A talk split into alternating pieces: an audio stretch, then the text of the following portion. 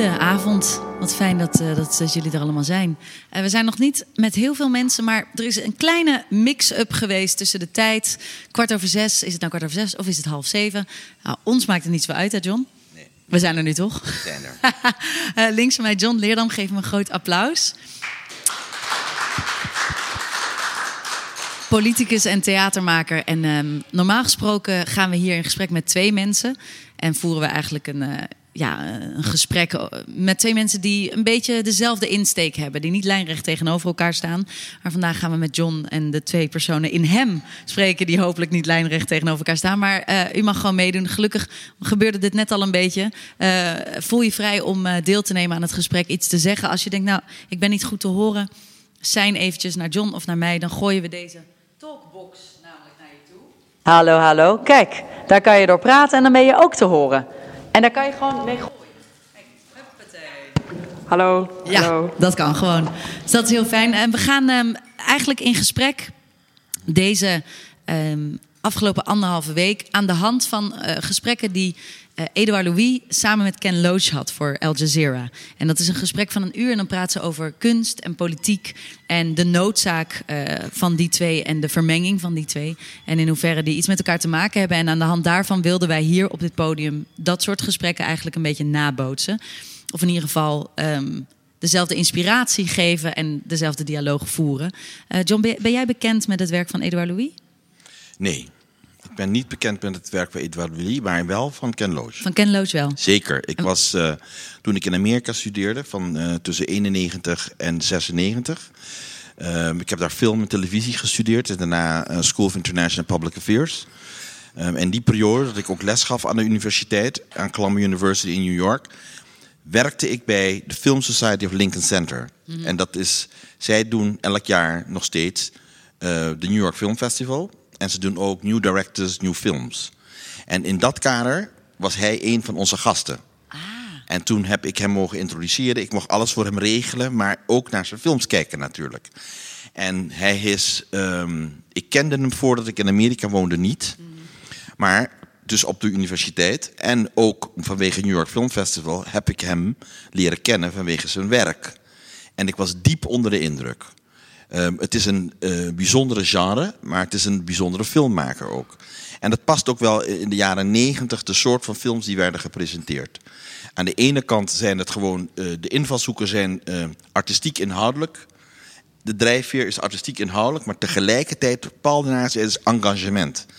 En de manier hoe hij naar films kijkt en de manier hoe hij films met, zijn, ja, met de kijkers eigenlijk deelt is dat hij films maakt die gaan over sociaal-maatschappelijke issues. En dat vond ik fascinerend, merkte ik. Ja, I, Daniel Blake is een van zijn films. Zeker. Uh, de laatste um, over die bezorger. Ja. Weet je wel? Hoe heet hij ook alweer? Um, Weet iemand het? Uh, Sorry we missed Ja. you. Super, ja, dankjewel. Dat was hem. Ja, precies. Maatschappelijk, uh, maatschappelijke thema's. Hij probeert, hij, of hij, hij kaart dingen aan. Hij kaart misstanden aan. Is dat iets wat je in je eigen werk ook... Uh, wat voor jou jouw eigen werk ook symboliseert? Zeker, zou ik wel kunnen zeggen. Zeker toen ik, um, nadat ik directeur was van Cosmic Theater in de NES... Um, heb ik dat steeds meer gedaan. Omdat ik vind dat... Um, de verhalen van de mensen met een biculturele achtergrond over het algemeen vind ik te weinig over het voetlicht komen. Mhm. Mm. En ik vind dat we als theatermaker zeker ook geïnspireerd door Minuskin in, uh, in Parijs, in Frankrijk, maar ook mensen als uh, Pieter Sellers die ook dat soort zaken doen, vind ik dat ik, ik, ik vond ook dat ik als zwarte theatermaker of als filmmaker die issues ook zou moeten aankaarten. En dat we daar natuurlijk ook lering van zouden kunnen trekken. Maar dat is, zijn ook soms politieke issues die gewoon aangekaart worden. Mm -hmm. En ik heb ervoor gekozen om dat steeds meer te gaan doen. Bijvoorbeeld, ik heb een voorstelling gemaakt over de, uh, um, over de 8 decembermoorden. Zo begon ik met uh, Stichting Julius Leeft. Um, nu 17 jaar geleden. Um, uh, heb ik ervoor gekozen om over de 8 december eigenlijk een voorstelling te maken die normaaliter iedereen weet een stukje van het verhaal. En wij hebben dat uh, met de tekst van Hugo Pos op een bijzondere manier neergezet. Net zoals een voorstelling die ik heb gemaakt over de treinkaping, de Molukse treinkaping. En ik begin eigenlijk, ik neem het publiek mee om ze eigenlijk het verhaal te vertellen van wie zijn die Molukkers eigenlijk en wat, hoe zijn ze eigenlijk hier beland. En vervolgens neem ik je mee in de voorstelling bij de treinkapen en wat er eigenlijk achter de schermen is gebeurd en wat voor impact het heeft gehad op Nederland, maar ook op die Molukse gemeenschap zelf.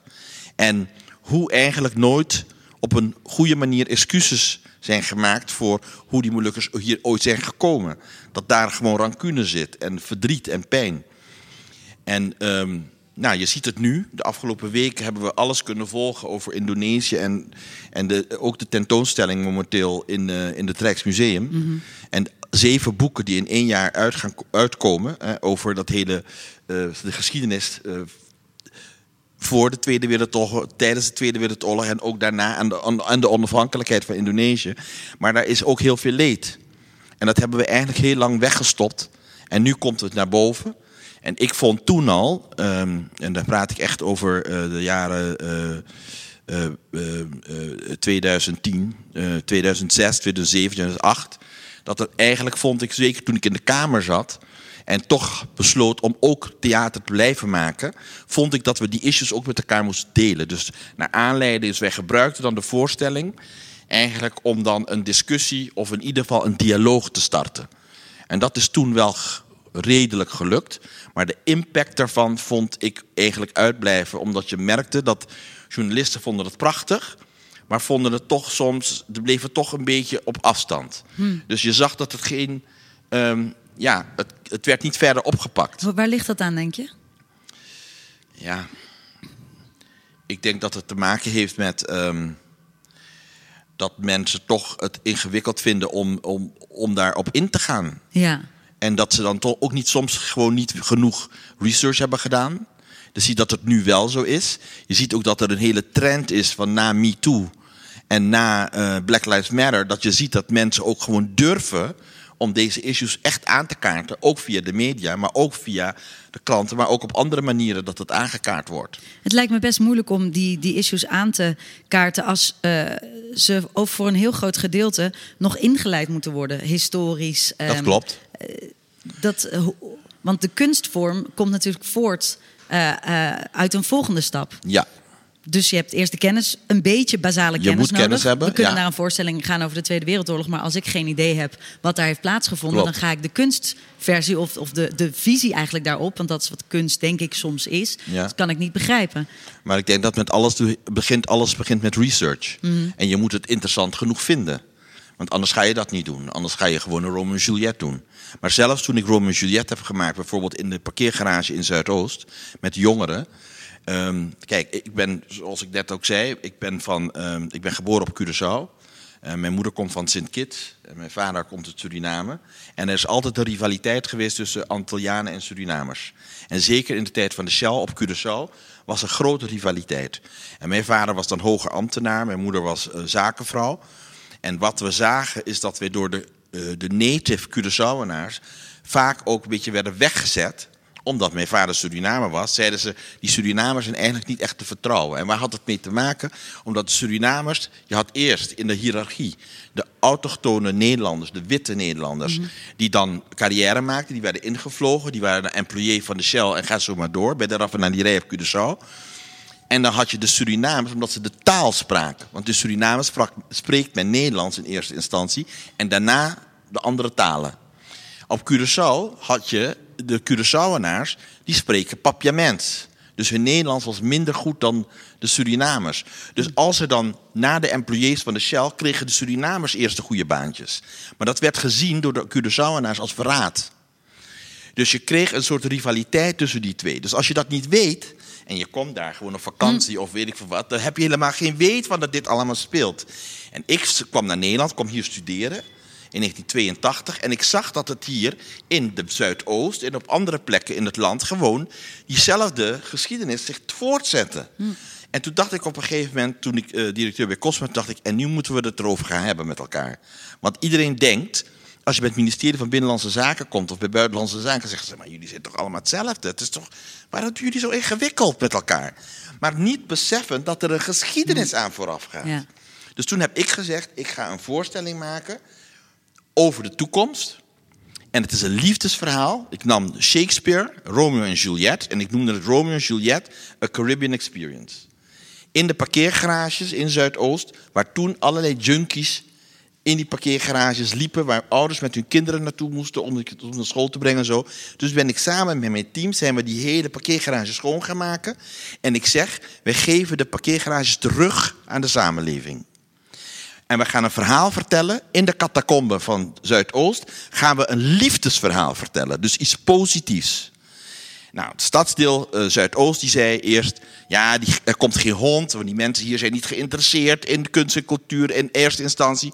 Nou, het tegendeel bleef, uh, bleek waar. Hmm. Mensen stonden in de rij. Want wat hadden we gedaan? We hebben toen die hele wijk F-buurt hebben wij uitgenodigd, gratis om naar de voorstelling te komen kijken. En we hebben hun gevraagd als ze ook als vrijwilligers mee zouden willen doen om mensen te ontvangen, om Patrick's catering eh, te verzorgen, eten te verzorgen. Ga zo maar door. Dus die mensen die kwamen kijken naar de repetitie en die zeiden, wat gebeurt hier allemaal, wat bijzonder. En ze kwamen dus, dus die wijk, het ging van tam tam. Dus we hadden, AT5 was er nog niet eens was er niks bij vergeleken. Dus die mensen gingen aan elkaar vertellen. Er gebeurt daar in, de, in, die parkeergarage gebeurt er iets. Dus op een gegeven moment werden wij geconfronteerd. Clyde Menzo, die was toen uh, stagiair bij mij. Mhm. En er stonden rijen mensen. Niemand snapte wat er aan de hand was. Maar wat gebeurde? We vertelden het verhaal van de, van de bewoners van Zuidoost. En zij hadden kinderen, die moeders met die kinderen, die zeiden we zien eindelijk hoop. Want wat die heb ik gedaan aan het eind van de voorstelling.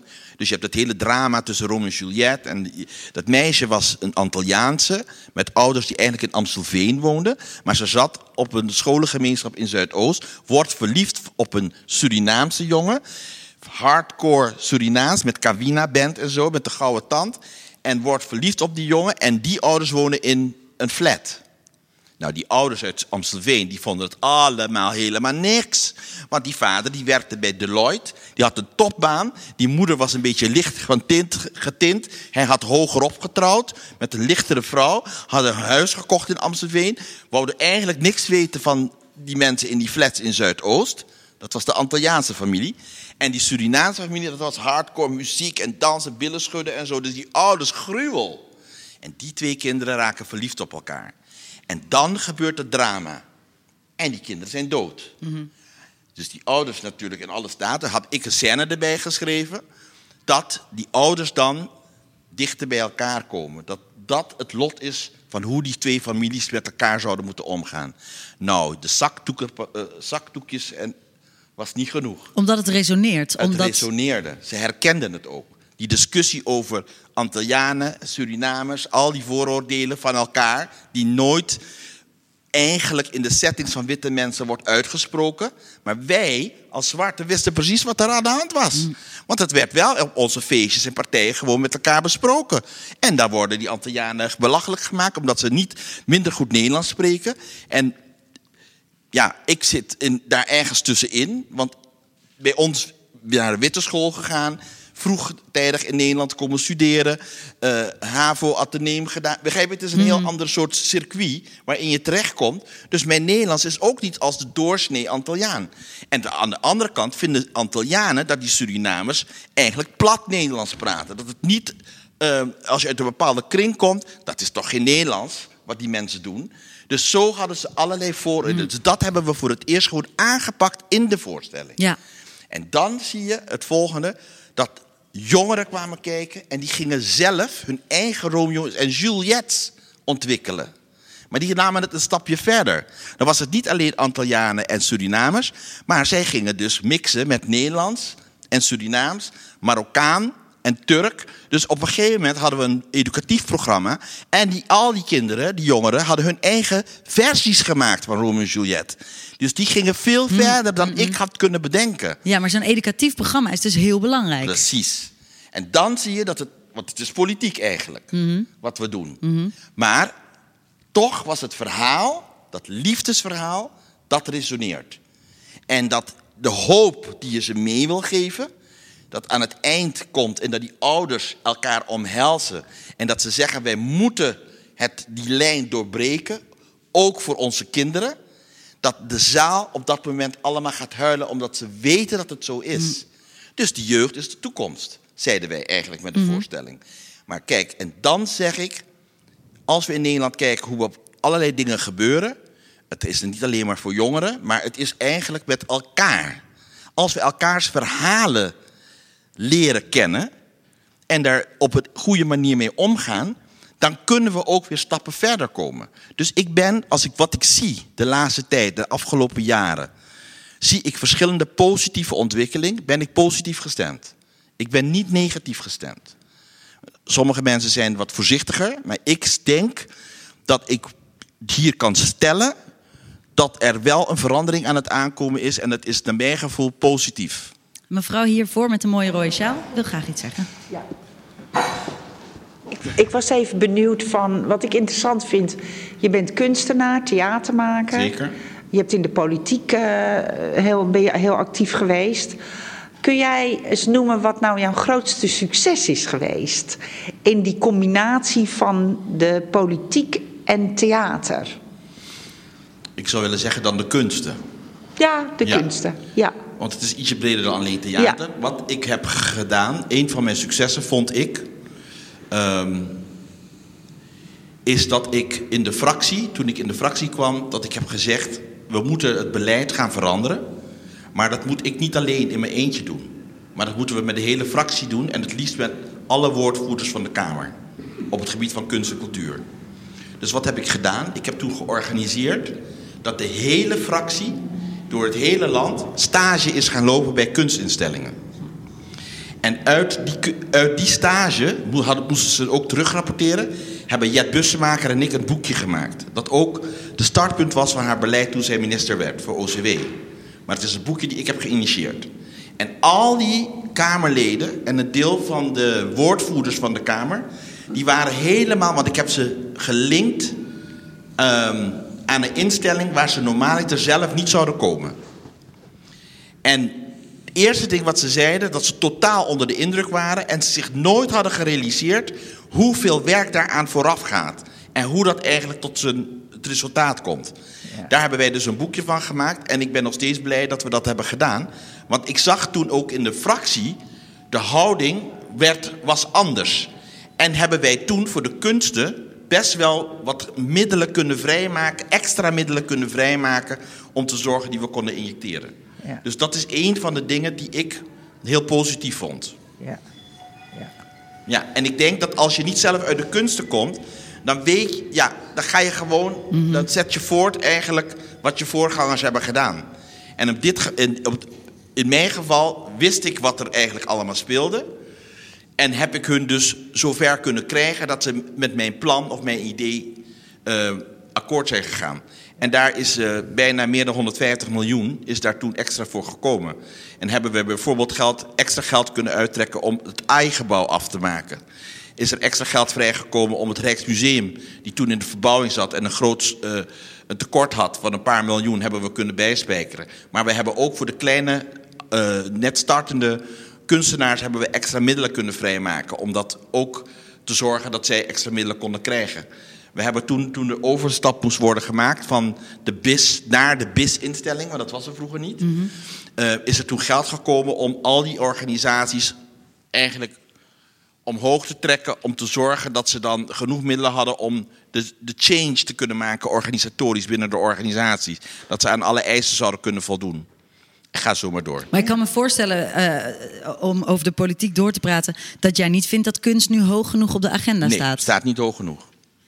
Nee, staat er absoluut niet. Wat moeten we daaraan doen? Nou, een van de dingen die moet gebeuren, vind ik, en dat was mijn grootste teleurstelling in de politiek, als ik daar toch ook in het verlengde van uw vraag. ehm, ik was verbaasd hoe weinig. Ja, voor mij was het een eye-opener hoe weinig solidair men in de kunsten met elkaar is. Al die verschillende instellingen kwamen allemaal langs voor alleen voor eigen parochie. En dat namen sommige bewindspersonen namen dat aan om juist dan te zeggen dat ze makkelijk eh, uit te spelen waren ten Ja. opzichte van Dus elkaar. ze lobbyden wel, maar alleen voor zichzelf. Ze lobbyden alleen voor zichzelf. En ik zei steeds tegen hun, jullie moeten veel meer één vuist maken. Want er staat elk jaar, Mhm. ging er om en nabij 220 miljoen terug. Bleef gewoon over in de kas. Wat maakt het zo moeilijk voor die instelling om zich te verenigen? Ja. Er is geen gezamenlijke visie, denk ik dan. Hmm. Want als je snapt dat er zoveel geld overblijft, dan ga je het toch niet laten liggen. Ik snap het nog steeds niet echt. Nee. En ik zie, eh, ook in de coronatijd, en dat, ik vind dat mensen dat redelijk goed hebben gedaan. En ik zie de aantreden van de nieuwe staatssecretaris. En we gunnen haar natuurlijk gewoon het, ook een succes.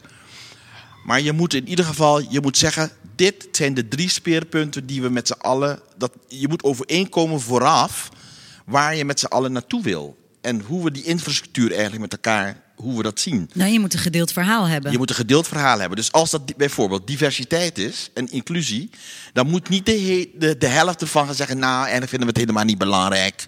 Of zo. Weet je? Als je zegt van we- er moeten meer vrouwen in de top, dan moet je ervoor gaan staan. Dan moet je zeggen, we willen die vrouwen in de top en hou op met het gezeik. Dat is wat we willen. Want je bereikt nooit 100% alles wat je wil hebben. Maar want als je het zelf al gaat afzwakken, dan, ga je, dan krijg je het nooit voor elkaar. Is dat misschien al eerder dan fout gaan? Want ik heb je eh, in een interview horen of, of lezen zeggen eh, dat het eh, bijvoorbeeld het multiculturele zit diep in het kunstbeleid in Engeland, net als in Frankrijk. Is dat voor Nederland veel later gekomen? Hebben ze Het daar is- het is later. steekjes laten vallen, steken? Sowieso. Ze zijn later pas eigenlijk durfde men dat toe te geven. Ik moet alle credits geven aan iemand als een Rick van der Ploeg, die dat wel heel duidelijk zag, maar hij is econoom. Dus Rick zag het op een heel andere manier hoe dat eigenlijk vormgegeven zou moeten worden. Hij heeft zijn nek er toen uitgestoken. En toen hij dat deed, en daar heeft hij, in de tijd heeft hij toen 200 miljoen extra voor kunst en cultuur voor elkaar gekregen. En heeft ook ervoor gezorgd dat er verschillende instellingen extra middelen kregen om hier iets mee te doen. Dus complimenten aan Rick van der Ploeg, als iemand als Rick van der Ploeg. Maar wat je zag, de luiken gingen direct. In 2002, nadat Rick weg was, gingen de luiken dicht. En alle, in, in- verschillende mensen schoten in oude tradities. Dus dan had hij iets bereikt. En eigenlijk wordt het daarna gelijk weer ongedaan gemaakt, indirect hè. En vervolgens toen Habbe Zijlstra kwam en die deed... bam, Ja. die maakte het helemaal kapot. Ja. En toen, ik heb het ook tegen hem gezegd, keihard. Ik zeg, je bent een... Ik, nou, anyway, ik zal niet zeggen wat ik heb gezegd. Ja, nee, We kunnen het wordt- invullen. We kunnen het opgenomen. is- invullen. het wordt Er opgenomen. is weer een vraag. Nou, kijk, jij zegt dan van oké, er is eigenlijk gebrek aan overstijging. Dat is eigenlijk wat je zegt, Ja. hè? Dus die 220 miljoen die wordt niet eh, besteed. Maar ligt er dan niet een rol voor jou eh, weggelegd, zou ik Toen- bijna zeggen? Toen, dat heb ik ook zeker gedaan. Maar, gezegd, nu, maar nu niet meer. Nee, dat zal ik het al, tot mijn dood zal ik dat altijd blijven bevechten. Nu is mijn concentratie iets via een U-bocht-constructie, kom ik ook daar terecht. Want ik ben nu, ik ben nu adviseur van het, van het Rijk, maar ook van, de, van, van Amsterdam. op het gebied voor ehm, het Nationaal eh, Slavernijmuseum. U ziet me niet in de krant met foto's en toestanden, maar ik zit er wel achter. Zou je kunnen zeggen dat de politiek voor een groot deel bepaalt welke verhalen wel en welke niet verteld worden? Niet compleet. Ik denk door een deel kunnen we, eh, eh, doen we dat zelf. Maar ehm, de politiek en eigenlijk de topambtenaren. Want je ziet dat soms politici een bepaalde richting op willen. En dat soms de, de topambtenaren eigenlijk die beheersen de agenda van zo'n bewindspersoon. Winst, win- winstpersoon, ja. En dus het is van belang dat, ehm, dat je heel goed in de gaten houdt ehm, wat ze eigenlijk voorstellen. Dus het is belangrijk dat je goed contact hebt met de be- desbetreffende bewindspersonen. Maar ook heel goed contact moet hebben met die ambtenaren. Want zij bepalen vaak ook de agenda's. Ja. En je zei eerder dat ehm, als je voorstellingen had eh, gemaakt en die werden gespeeld, dat, dat mensen het leuk vonden. Journalisten eh, schreven er positief over, maar daar stopte het eigenlijk. En dat is iets wat je. Kijk, je moet genoeg middelen hebben. En dat zie je vaak in de kunsten. Dat men eigenlijk publiciteit, marketing en al dat soort zaken. dat dat de sluitpost is op de begroting. En ik denk dat dat geen sluitpost zou moeten zijn. Je moet zorgen voor vervolg. Dus, voordat je, dus wanneer je bezig bent eigenlijk aan het, in het concept aan het ontwikkelen, dat je steeds zo iemand erbij hebt, zodat je ook weet dat hoe gaat het verder? Dat het niet alleen maar een mooie voorstelling is, maar dat je zorgt dat het ingebed wordt en dat het intrinsiek wordt. En als je het dan hebt over educatie, wat je eerder zei, Ja. gaat dat dan dus vooral over jonge mensen of bedoel je educatie in de. Ik doe educatie on the whole. Jonge mensen natuurlijk, heel belangrijk. Want die, die, dat zijn, zijn de, nieuwe, de nieuwe generatie die het op een andere manier kunnen invulling kunnen geven. Maar ik vind dat je ook mensen met ervaring, ik noem ze geen ouderen, want ik, anders hoor ik er misschien ook zelf ook bij. Maar ik zeg mensen met meer ervaring, levenservaring, dat je die juist ook erbij betrekt. Want vaak hebben zij ook gewoon de levenservaring die ze hebben, die kunnen ze ook inbrengen van hoe je soms op een andere manier soms naar dingen kan kijken. En dat wordt soms vergeten. Het lijkt wel alsof na, als mensen 51 zijn of 55 zijn, dat ze eigenlijk niet meer meedoen. En dat is volgens mij een verkeerde invalshoek. Ik denk dat je die expertise die zij op een andere manier hebben, dat je juist mee kan nemen. Eén. En twee, ze hebben vaak ook meer tijd om te investeren in sommige dingen. En ze zijn mi- soms minder fladderig. Maar je moet ze misschien ietsje harder je best doen om ze te overtuigen dat ze ook, dat die verhalen die zij bijvoorbeeld ook hebben meegemaakt, dat je die ook kan incorporeren. Dus ik denk dat het een NN-verhaal is. En je zei eerder dat in de jaren negentig dat engagement dat je opviel. Ehm, heb je dat zien groeien in de afgelopen jaren? Mijn idee is dat die, die jongere generatie geëngageerder is dan bijvoorbeeld mijn generatie was. Ik zie engagement weer terug. Bedoel Ehm, in de. 90 jaren was 90 jaren, 80 jaren, zeg ik e- even. 80 jaren, 90 jaren was het bijna ehm, wet.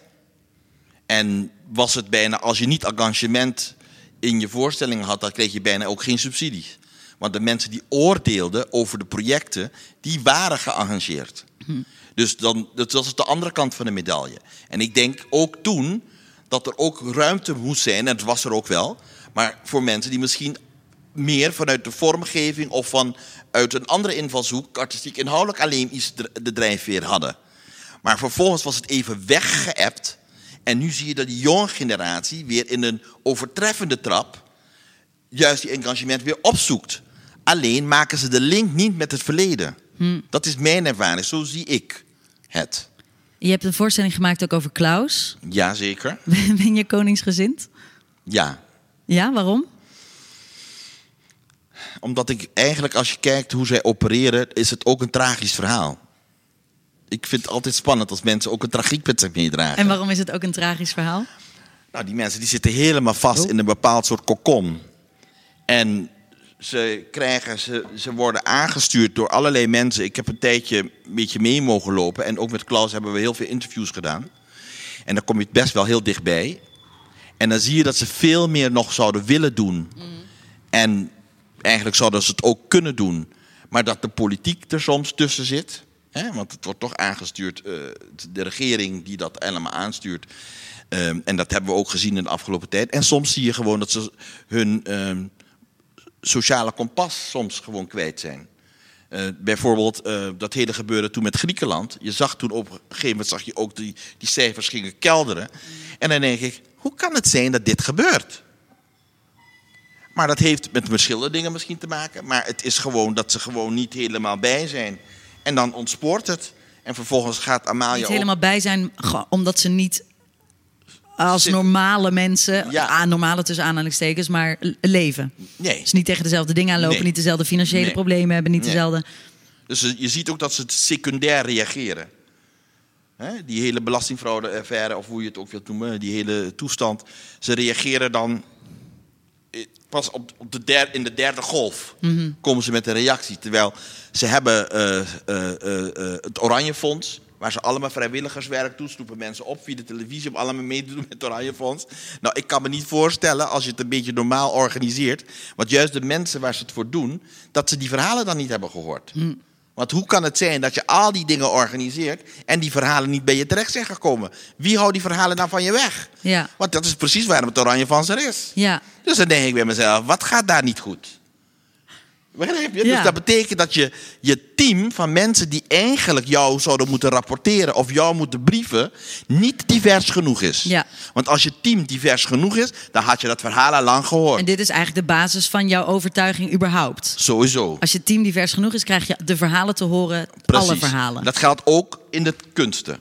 Niet divers genoeg. Nog steeds niet. Nog steeds niet. Ik bedoel, ik ben blij dat Clyde Manson nu hier komt werken. Fantastisch. Ik ben half verliefd geweest op eh, Wouter, eh, eh, die de voorganger is. Van Ransbeek? Van, ja, Wouter van Ransbeek. Ja, ik hoor de naam niet helemaal noemen. Nou, de voorganger hier. ik ben gewoon fan van hem. Maar oké, Clyde gaat het nu doen. Fantastisch. Maar daar blijft het niet bij. Het is goed dat je het in de top doet, maar dan moet je ook kijken naar de rest van de organisatie. En als we zeggen dat de kunst ook een afspiegeling zou moeten zijn. Natuurlijk moet het high standard zijn, want ITA gaat voor de top. Maar kom mij niet vertellen dat je niet die mensen kan vinden. Nee. Begrijp je? Nou ja, toen jij auditie deed voor de toneelschool, werd je in het eerste jaar verteld dat er geen rollen zouden zijn voor zwarte mensen. Dat heeft men gezegd. Mijn asymmetrisch gezicht, mijn taalgebruik was niet ABN. En, zei de directeur, laten we eerlijk zijn, je bent zwart. En de Nederlandse gezelschappen zijn niet bereid om jou op te nemen in hun geledingen. Dus wij adviseren jou dat het beter is dat je teruggaat naar het Caribisch gebied. En dat je daar zal je dan wel gewoon het vak kunnen doen. We zien wel dat je talent hebt, maar dit gaat niet werken. En wat deed dat met jou? Nou, ik was kapot. En ik was in shock. Ik was echt gewoon in. Ik was nog nooit. Ik wil niet zeggen dat ik geprivilegeerd was en op- opgevoed ben. Ja, maar mijn vader was hoofdinstructeur van de politie. Mijn moeder was zakenvrouw. We woonden in een eh, eh, middelklas, op een middelklas eh, wijk.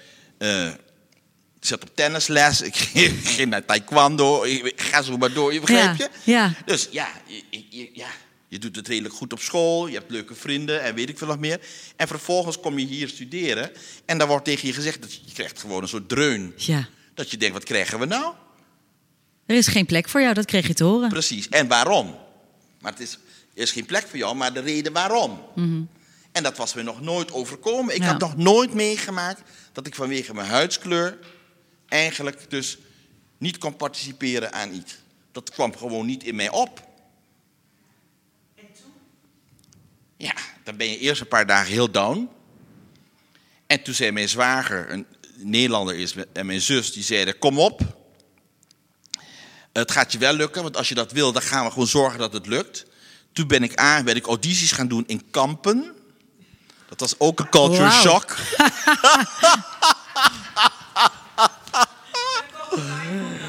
ja, maar ja? Ik, ik ga je... Zeker. Maar ik ga je wel Ja, vertellen dat het wel voor mij... Ik had geen... Ik bedoel, ik kom van Curaçao en weet ik veel dat het daar allemaal zo stringent eh, christelijk is. En weet ik van wat allemaal nog meer. Dus ik kom daar, ik denk, nou ja. Maar anyway, kampen. Vervolgens heb ik audities gedaan in Utrecht. En ik ben audities gaan doen in Amsterdam, naar de regieschool. Maar ik dacht bij mezelf, ik wil geen acteur meer worden. Want ik wil, ik wil niet nog een keer die vernedering meemaken. En toen werd ik op alle drie scholen aangenomen. En toen heb ik gekozen om naar Amsterdam te komen. Omdat ik hier, toen ik audities kwam doen, in, door de stad liep. En ik zag allemaal mensen die op mij leken. Dus toen dacht ik, nou, dat, dan, dan moet ik volgens mij gewoon naar Amsterdam. Want ons werd gezegd, je moet juist niet naar Amsterdam. Er gebeuren daar hele enge dingen en het gaat allemaal niet goed. Uitgerekend, ik kreeg een huis op eh, ehm, de Oude Kerksplein. Dus bij de Oude Kerk. Tussen, aan de overkant van mijn appartement, waren gewoon vrouwen. Was gewoon de Red Light District.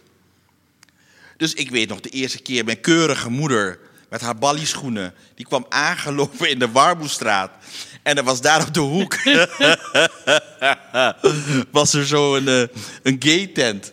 Met, het was in de zomer, met allemaal jeans aan en leren broeken met mannen met uitgesneden billen en toestanden.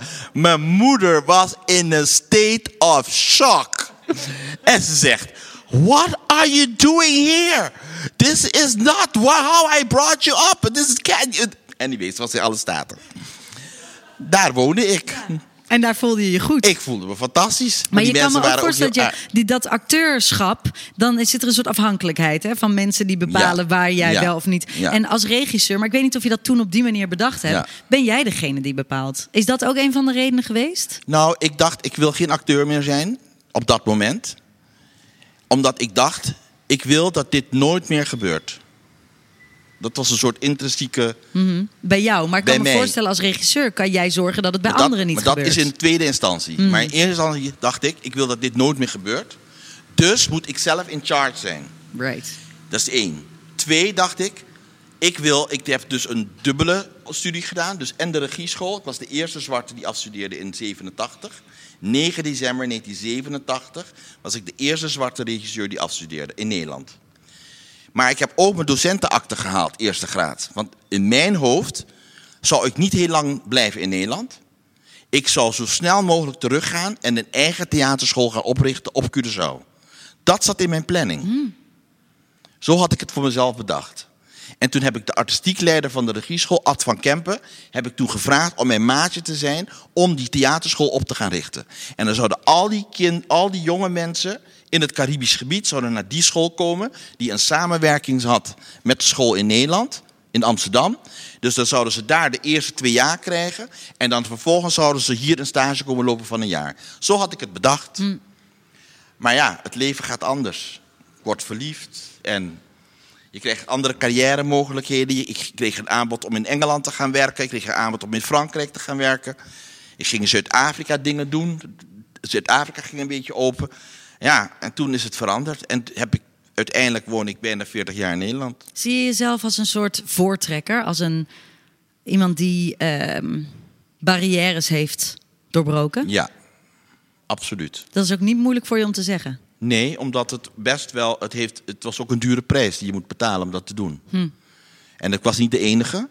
Ik moet zeggen dat ik wil graag ook genoemd hebben. Rufus Collins, er staat hier ook een mooi portret van hem in, de, in, de, in ITA. Eh, Henk John, die, zat, die waren de voorlopers van mij. En zij waren een generatie jong-ouder. Felix de Rooij, Norman de Palm, Yvonne Pillazula. Ik wil ze genoemd hebben. Zij waren toen ook bezig met de strijd. En zij hebben, zonder hun was ik, had ik mijn carrière niet zo kunnen opbouwen. En uh, mensen als Helen Kamperveen of Paulette, en Paulette Smit, die waren ook gewoon. Want ik was ook soms heel onzeker. Maar door hun kreeg ik ook de moed om door te gaan. En die prijs waar ik het net met je over had, als je op de barricade zit, krijg je ook klappen. En dat heb ik aan de lijve mogen ervaren. Ik ben bespuugd, ik ben gechanteerd, ik ben uh, um, mijn auto's in elkaar ge, uh, geramd. Was het allemaal in de politieke periode? Nee, dat was voor de politieke periode. Mm. Toen ik me uitsprak en vond dat er, er ging toen de tijd, maar 2, 2 tot 3 procent van de subsidiegelden ging naar instanties, multiculturele instanties, in de kunsten. En ik vond dat het niet kon. Dat het geen eerlijke verdeling was van de middelen. Want op dat moment woonde de 11% van de samenleving, van mensen in Nederland, waren mensen met een biculturele achtergrond. En dat was in de jaren, eind jaren 90, ja. 97, 96. En dat zag je niet weerspiegeld? Ik zag het niet weerspiegeld. We hadden onderzoek laten doen en dat was door het Theaterinstituut was dat toen gedaan. Dragan Klaisch had dat laten doen. En het bleek dat er maar 3% naar de, van, de, van de gelden ging naar mensen met een biculturele achtergrond mm. of naar de multiculturele samenleving. Laat me het zo, zo doen. Ja. En toen heb ik gezegd, dit kan niet. En toen ben ik een beweging begonnen om dat tegen te gaan. Om te zeggen dat minstens 10% van de middelen uh, eigenlijk naar die samenleving zou moeten in de kunsten. Nou, daar kreeg ik gewoon heel veel verzet van. En mensen zijn mij toen gaan bedreigen. Maar uiteindelijk hebben we een deal kunnen sluiten. Rob Bozaaier Vlaas is iemand van Atana. Die heeft toen ook geholpen om dat convenant op te stellen. En toen is besloten omdat het 7% werd. Dus we, we haalden 10% net niet. Mm. Maar het is mij toen wel gelukt om 7%, dat is ook politiek. 7% is toen uh, akkoord. Getekend op de theaterschool in de Jodenbreestraat. Is zijn we toen overeengekomen dat er 7% werd. Maar het is me niet in de koude kleren gaan zitten. Mm. En dus ik heb al die tijd gestreden. Dus ook om, heb ik ook gestreden dat er een theater, dat er kunstinstellingen moesten komen in Zuidoost. Hoe kan het zijn dat er honderdduizend mensen wonen en er was toen alleen maar een schuurachtig iets, krater, waar theatervoorstellingen werden gepresenteerd. Ik zeg, er is wel een meervaart. Er is van alles op andere plekken. En hier is het een soort schuur waar die zwarte mensen naartoe gaan. Wat is dit? Ja. Toen zijn Pierre Ballings van de Paradiso en ik hebben toen samen de handen ineengeslagen en zijn we een actie begonnen om te zorgen dat er kunstinstellingen in Zuidoost moesten komen. Een CBK, een theater. En zo heb, is, is het mij gelukt met het college van Amsterdam en bij private fondsen om te zorgen dat er bij mijn parktheater kwam. Hm. En in de Stien Convalje zat daar, die heeft het stokje natuurlijk verder. Maar ik ben aan de vooravond ervan, heb ik dat gedaan. En dat werden, sommige mensen vonden dat niet leuk. Ja, en dat was toen voor Pim Fortuyn tijdperk. Dus ik kreeg geen beveiliging. Dus ik ben een keer gewoon ook hier voor de deur gewoon in elkaar geramd. En mensen vonden dat niet leuk. En kan jij, eh, heb je met jouw levenservaring nu een idee van waarom dat dan was? Waarom mensen dat dan niet Omdat leuk ze vonden? vonden dat ik eigenlijk aan het geld kwam van de kunsten. De, in- omdat, er, kijk, met elke verandering, als wij zeggen dat er meer vrouwen in de top moeten komen, dat betekent dat er een paar van die mannen die posities niet meer krijgen. Ze vinden het niet leuk, kan ik je vertellen. Het is vandaag de dag not done om toe te geven dat je, het, dat je het niet leuk vindt. Maar ik kan je vertellen, er zijn genoeg mensen die het helemaal niet leuk vinden. Snap je? Dus als je ook gaat pleiten voor dat er meer zwarte mensen of meer mensen met een andere etnische achtergrond in de hiërarchie moeten komen, in het besturen. Hè, ik heb toen gezorgd dat er een opleiding is gekomen om mensen voor te bereiden. Om te zorgen dat die op een gegeven moment ook in de besturen, in de raad van toezichten en in de commissariaten konden komen. Dat is Atana geworden. Dat is ook, komt ook uit mijn koker. Maar toen werd mij geadviseerd om vooral niet te laten zien dat ik daarachter zit. Want anders krijg ik nog meer problemen.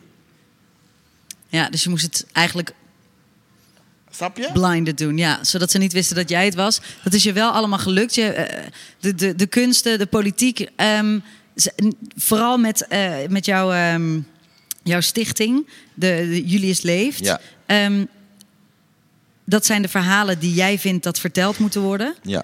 Welk verha- welke verhalen moeten nu verteld worden? En in hoeverre verschillen die van toen je Julius Leeft eh, in 2006 oprichtte? Nou, ik hoorde dat er laatst een eh, prachtige eh, avond was in de Bali.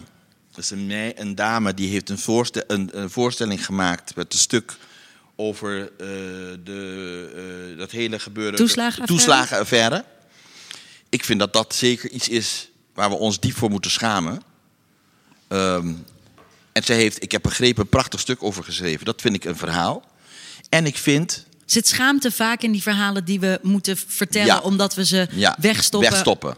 Maar ik vind ook dat hele issue, want we gaan er wel steeds overheen. En het wordt nu helemaal geframed via de media eh, over die MeToo-affaire. Mm. Maar daar zit volgens mij een beerput achter.